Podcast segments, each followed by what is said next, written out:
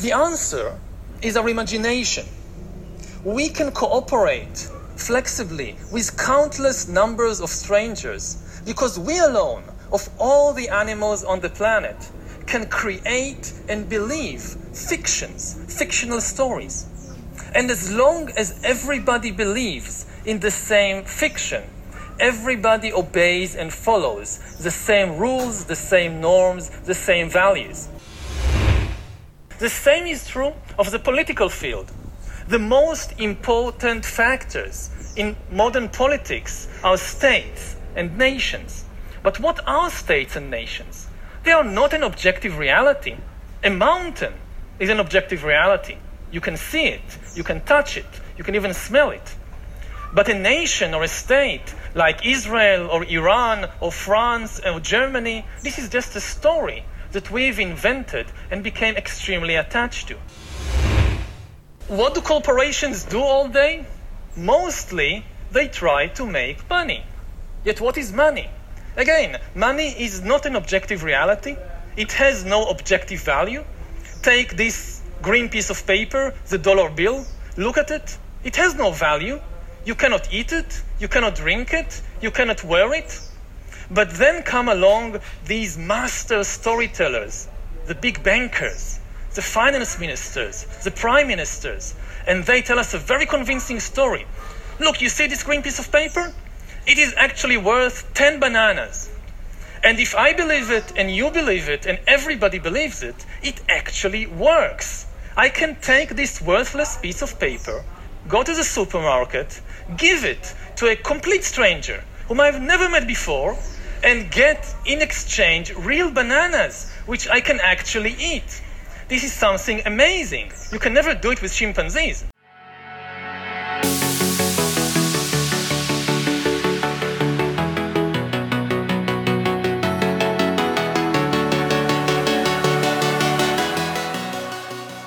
Welcome to podcast Buku Kutu Ketemu lagi sama gue Aditya Hadi di podcast Buku Kutu Dan setelah beberapa bulan Akhirnya gue kembali bisa bikin podcast lagi Dan Oh ya udah tahun baru ya 2019 Happy New Year.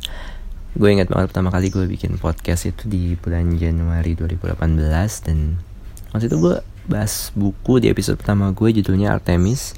Ya yeah, so this month is podcast Buku Kutu's first day Yay! So, di episode pertama di tahun 2019 ini gue mau bahas buku yang menurut gue spesial banget karena kemunculannya cukup menggegerkan umat manusia, Cia. Karena isinya yang menurut gue sangat provokatif dan bisa menggugah cara pandang kita tentang dunia. Judulnya itu Sapiens: A Brief History of Humankind yang dikarang oleh Yuval Noah Harari. Sedikit intro tentang pengarangnya, Harari ini sendiri merupakan seorang profesor sejarah. Dia tinggal di Israel, tapi sebenarnya dia keturunan Lebanon. Sehari-hari dia mengajar di Hebrew University di Jerusalem dan pada tahun 2011 dia mutusin buat nulis sebuah karya yang membahas tentang sejarah manusia dan apa sih pengaruhnya buat kita saat ini yang akhirnya dia buat buku Sapiens ini. Ketika ditanya kenapa sih sebenarnya lo bikin buku ini gitu Harari itu bilang kalau jadi manusia itu udah hidup berabad atau bermilenium ribuan tahun sebelum ini gitu dan they doing something gitu. Mereka melakukan hal-hal penting dan yang kadang-kadang mungkin orang sekarang nganggap itu nggak penting gitu. Jangan sampai kita berpikiran seperti itu kata Harari. Nah di awal podcast ini kalian mungkin udah dengar suaranya dari Yuval Noah Harari dan kalau kalian nangkep apa yang dia sebutin di situ that's the real concept of this book gitu. Karena menarik banget apa yang mau dia bahas tentang bagaimana sejarah umat manusia, perbedaan kita dengan binatang, dan apa yang membuat manusia bisa menguasai bumi saat ini. Sebelum mulai, gue mau ngasih disclaimer sedikit bahwa yang Gua sampaikan di sini semuanya kata-kata Harari di buku Sapiens dan mungkin akan banyak hal yang bisa menggugah opini dan cara pandang kalian saat ini terutama soal agama. So dari sekarang gue wanti-wanti dulu kalau ya kalau kalian gak setuju silahkan aja gitu. Boleh juga komen ke gue. Tapi jangan sampai nanti gue dibilang menista agama gitu ya. Oke, jadi buku Sapiens ini dimulai oleh Harari dengan cerita, ya namanya dia ngomongin sejarah gitu ya. Dia cerita tentang awal manusia hadir di bumi. Ia bersandar pada teori evolusi dari Charles Darwin yang menjelaskan bahwa manusia itu emang salah satu anggota dari keluarga besar monyet. Tuh kita satu keluarga sama simpanse, gorila, orangutan dan lain sebagainya. Jadi 6 juta tahun yang lalu entah bagaimana ada satu orang seekor mungkin ya lebih tepatnya seekor monyet yang punya dua anak satu anak yang pertama itu jadi nenek moyang dari simpanse dan satu orang anaknya yang lain itu menjadi nenek moyang dari manusia. Nah, kemudian mereka berkembang berawal dari Afrika Timur menyebar ke seluruh dunia dan sebenarnya pada saat itu sudah ada jenis manusia lain yang berbeda dengan manusia sekarang. Manusia sekarang kan disebutnya Homo sapiens ya. Jadi sebelumnya ada homo-homo yang lain atau manusia-manusia yang lain. Salah satunya adalah Homo Neanderthal. Entah bagaimana. Nah ini mungkin nggak tahu kalian bisa sandingkan dengan cerita Adan dan Hawa atau enggak, tapi entah bagaimana ada tiba-tiba muncul jenis baru yang namanya Homo sapiens dengan kecerdasan dan daya komunikasi antar individu yang luar biasa sehingga mereka bisa me, tanda kutip mengalahkan homo-homo yang lain termasuk homo neanderthal yang sebenarnya mungkin dari sisi fisik lebih oke okay. dan salah satu teori yang disebutkan Harari di sini bahwa kita sebagai homo sapiens sebenarnya sejak zaman dahulu kala udah melakukan semacam ethnic cleansing kita membasmi kita menghabiskan memunahkan homo-homo yang lain dan salah satunya adalah homo neanderthal itu sendiri apa yang membuat kita sebagai homo sapiens berbeda dengan homo-homo atau jenis makhluk yang mirip manusia yang lain pada saat itu adalah cara kita dalam berkomunikasi mungkin zaman dulu ini ketika bahas ini tuh gue inget banget sama film yang judulnya The Invention of Lie atau semacam itulah. Jadi hewan dan manusia-manusia purba zaman dulu tuh kalau ngomong sesuatu tuh selalu fakta. Jadi oh di sana ada pisang, di sana ada rusa, di sana ada gajah seperti itu. Tapi entah bagaimana Homo sapiens ini bisa menemukan cara baru dalam berkomunikasi. Mereka bisa bergosip, mereka bisa berbohong, mereka juga bisa membuat fiksi, bisa membuat imajinasi, yang itu akhirnya justru bisa menyatukan manusia gitu dulu kita cuman bilang oh iya di sana ada pisang gitu kita nggak bisa ngontrol banyak orang gitu tapi ketika sekarang kita ngomong kalau kita berbuat baik kita berjuang untuk negara maka kita akan mendapatkan sesuatu yang indah di kemudian hari atau surga ketika kita telah meninggal. Nah, hal-hal seperti itu kan yang bisa menyatukan umat manusia yang itu nggak bisa dilakukan oleh manusia-manusia purba zaman dulu sebelum Homo sapiens dan juga hewan dan setelah itu mereka akhirnya bersatu mereka akhirnya bisa berkomunikasi dan membuat yang namanya agriculture revolution manusia purba atau homo sapiens yang tadinya cuma mengumpulkan buah-buahan dan berburu akhirnya mulai membuat pertanian kita menanam gandum karena akhirnya kita tahu bahwa gandum itu bisa dimakan padahal sebenarnya menurut Harari itu bukan kemajuan per se gitu. Jadi Harari coba membandingkan kehidupan manusia ketika cuma mengumpulkan makanan dan ketika sudah bercocok tanam. Sebelumnya mereka nggak terikat, mereka nggak butuh tinggal di satu tempat, mereka bisa pindah kalau misalnya ada cuaca buruk. Mereka bisa ngatur waktu kapan aja, mereka nggak mesti panas-panasan di luar di bawah sinar matahari berjam-jam untuk kayak nunduk dan bercocok tanam. Mereka juga nggak mesti bikin rumah yang mesti mereka uh, tinggali dan mereka rawat seperti itu. Dan itu berubah ketika sudah mulai masuk era pertanian gitu dan mereka akhirnya nggak bisa lepas dari itu karena pertanian adalah salah satu-satunya cara yang bisa memenuhi kebutuhan makan mereka karena waktu itu jadi mereka bercocok tanam terus mereka tinggal dan akhirnya mereka berkembang biak dalam jumlah yang cukup banyak. Dan untuk memberi makan jumlah yang cukup banyak itu, mereka butuh pasokan makanan yang stabil. Yang itu cuma bisa di uh, diberikan oleh pertanian. Padahal sebelumnya mereka bisa hidup dengan jumlah yang sedikit, jumlah yang lean, dan mereka bisa keliling ke mana aja gitu. Tapi akhirnya kehidupan bercocok tanam itu membuat mereka berkumpul dan membuat cikal bakal dari negara atau kelompok yang ada saat ini.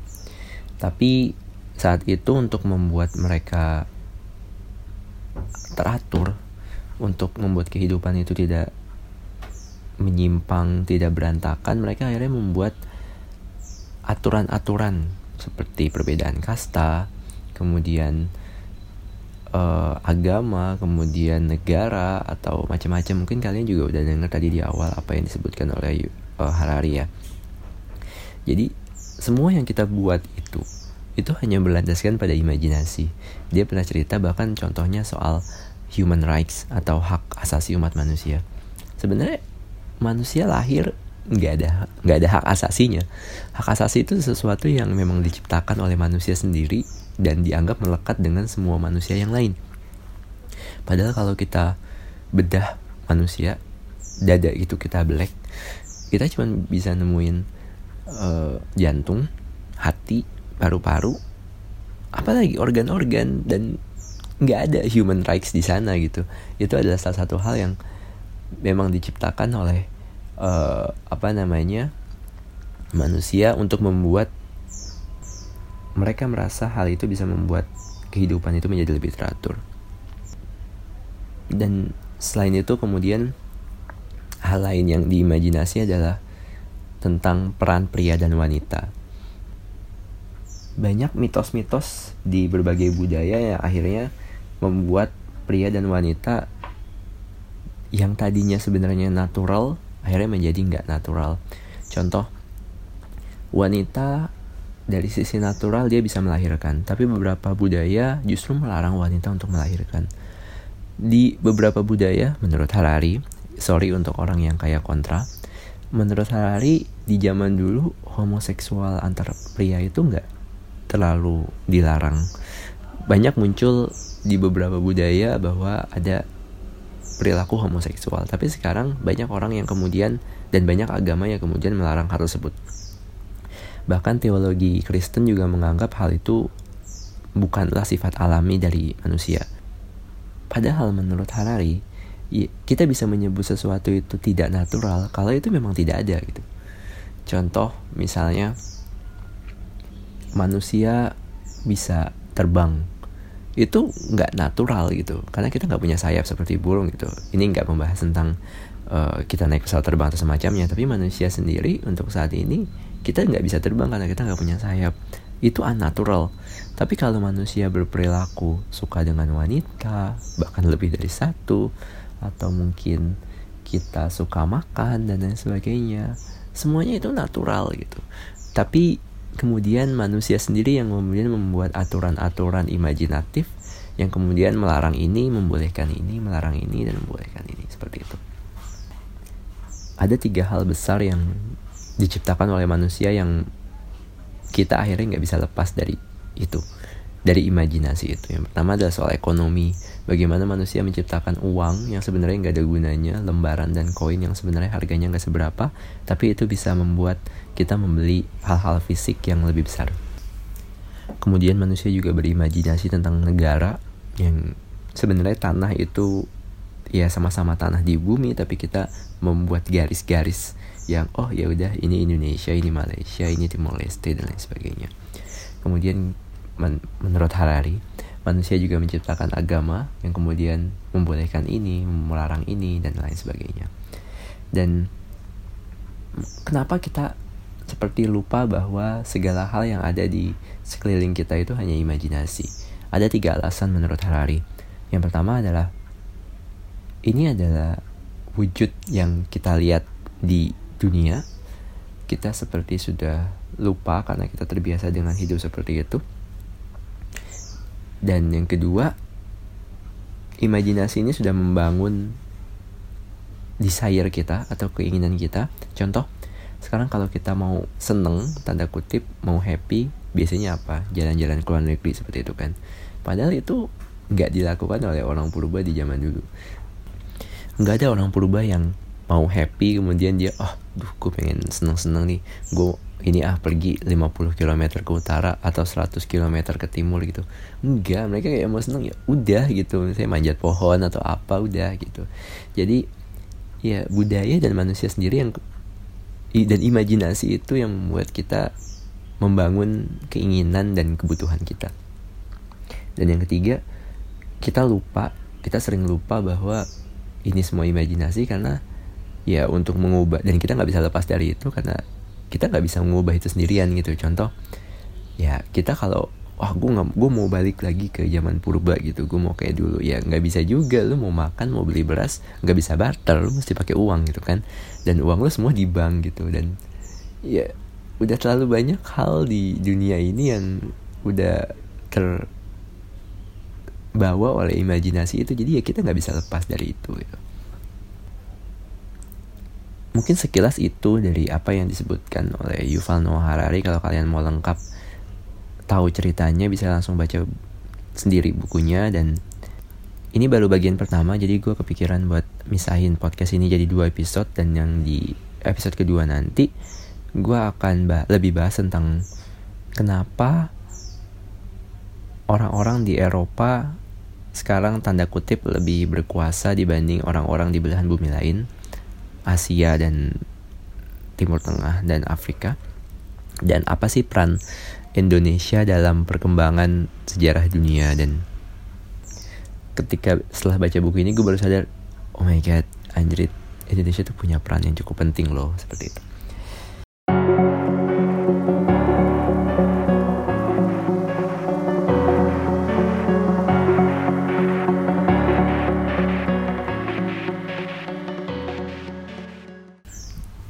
khusus soal buku ini kalau disuruh ngasih rating gue jelas ngasih rating 5 over 5 ini buku ya nggak ada buku yang lepas dari kesalahan tapi gue bisa bilang buku ini cukup sempurna untuk membahas tentang sebagai buku yang mind provoking uh, menggugah pemikiran kita membuat kita memikirkan sebenarnya apa sih peran kita di dunia ini. Dan dari cerita-ceritanya Harari seharusnya kita bisa ada beberapa hal yang gue tangkap. Yang pertama bahwa manusia itu sama gitu. Sekarang kita dikelompokkan oleh ras oleh suku oleh agama. Padahal that some of them is just our own imagination. Dan di awal juga kita tuh lahir dari nenek moyang yang sama ya. Kalau kalian percaya agama kita semua lahir dari Adam dan Hawa. Kalau kalian percaya teori evolusi kita semua datang dari sama-sama keturunan monyet gitu. Mohon maaf tapi jadi ya ya udah nggak usah ngatain yang lain lebih hitam nggak usah ngatain yang lain. Nggak nggak perlu ada perselisihan lah. Karena sebenarnya ya perbedaan itu kita juga yang buat itu bagaimana kita homo sapiens manusia yang dulu di rantai makanan itu mungkin kita di bawah singa di bawah macan. Tapi kita sudah being in the top of food chain. Kita sudah menguasai rantai makanan. Kita bisa makan segala hal makanan dan lain sebagainya. Tapi ujung-ujungnya sekarang kita justru membabi buta dalam ya kita suka ayam. Kemudian ayam itu kita industrialisasi kita bantai yang kurang bagus. Kita makan semua yang ada dan kalau kita mau telur bagaimana ayam petelur itu? Tanda kutip kita siksa kita taruh di tempat yang sempit dan lain sebagainya just for the sake of our own desire untuk memenuhi nafsu makan kita yang gila-gilaan ini aja gitu. Yang ketiga Harari juga kayak menggugah pemikiran gue tentang bagaimana sih masa depan umat manusia bagaimana peran artificial intelligence robot uh, dan perkembangan teknologi lainnya dalam perkembangan umat manusia nanti yang sebenarnya dia jelasin lebih panjang di buku keduanya yaitu judulnya yang judulnya Homo Deus. Dan di buku Sapiens ini Harari juga menggugah pemikiran gue tentang what is happiness apa sih kebahagiaan. Apakah banyak orang yang mungkin gak bahagia terus demo kemudian protes menggulingkan pemerintah? Ya bukan karena mereka sebenarnya nggak bahagia tapi simply karena mungkin mereka ngebandingin kondisi hidup mereka dengan kondisi hidup di Amerika Serikat dan di negara barat lainnya misalnya jadi ya apa sih kebahagiaan itu? Apakah kalau menurut Harari sih kebahagiaan itu lebih kayak gelombang. Jadi kalau kita lagi seneng ya seneng kita lagi dapat hal yang positif kita seneng tapi kita nggak positif dikit negatif dikit ya kita akhirnya sedih kayak gitu-gitu. Jadi the point is ya untuk menjadi happy ya kita cuma mengatur ekspektasi kita aja biar nggak terlalu berlebihan seperti itu Hari menyebutkan bahwa we master surrounding but did we decrease suffering gitu. Kita kita udah menguasai seluruh bumi kalau dibandingkan dengan hewan dan tumbuhan tapi apakah kita sendiri bisa mengurangi tingkat kesedihan kita penderitaan kita dan meningkatkan kebahagiaan kita hal seperti itu. Kemudian dia juga menyebut ada satu quote yang kena banget di gua kayak Is there anything more dangerous than not satisfy and irresponsible gods who don't know what they want? jadi kita sekarang manusia udah kayak tanda kutip udah kayak Tuhan di dunia ini. Kita udah ngatur segalanya. Kita bahkan bisa ngutang ngatik DNA manusia lain dan lain sebagainya. Tapi iya, kita harus sadar kalau kita sendiri nggak tahu apa yang kita mau gitu. Dan hasilnya apa? Hasilnya kalau ini berlanjut terus ya it would be some chaos in the future juga so buat orang-orang yang suka berpikir hmm, ini udah buku ini udah diterjemahin dalam bahasa Indonesia dan tapi gue nggak tahu kualitas terjemahannya kayak gimana. Gue sih rekomend baca bahasa Inggrisnya dulu uh, dan buat kalian yang emang suka bermain-main dengan pikiran imajinasi dan suka menantang pemikiran kalian status quo sekarang dengan sesuatu yang baru yang mind blowing gue saranin banget buat baca buku ini mungkin itu aja dari gue gue akan bahas buku ini lagi dengan tema yang berbeda di episode selanjutnya buat kalian yang punya kritik atau saran langsung aja hubungi gue di aditya.hadi@gmail.com atau di Instagram @adityahadi, Facebook, Twitter dan lain sebagainya gue juga aktif. See you in next episode and bye bye.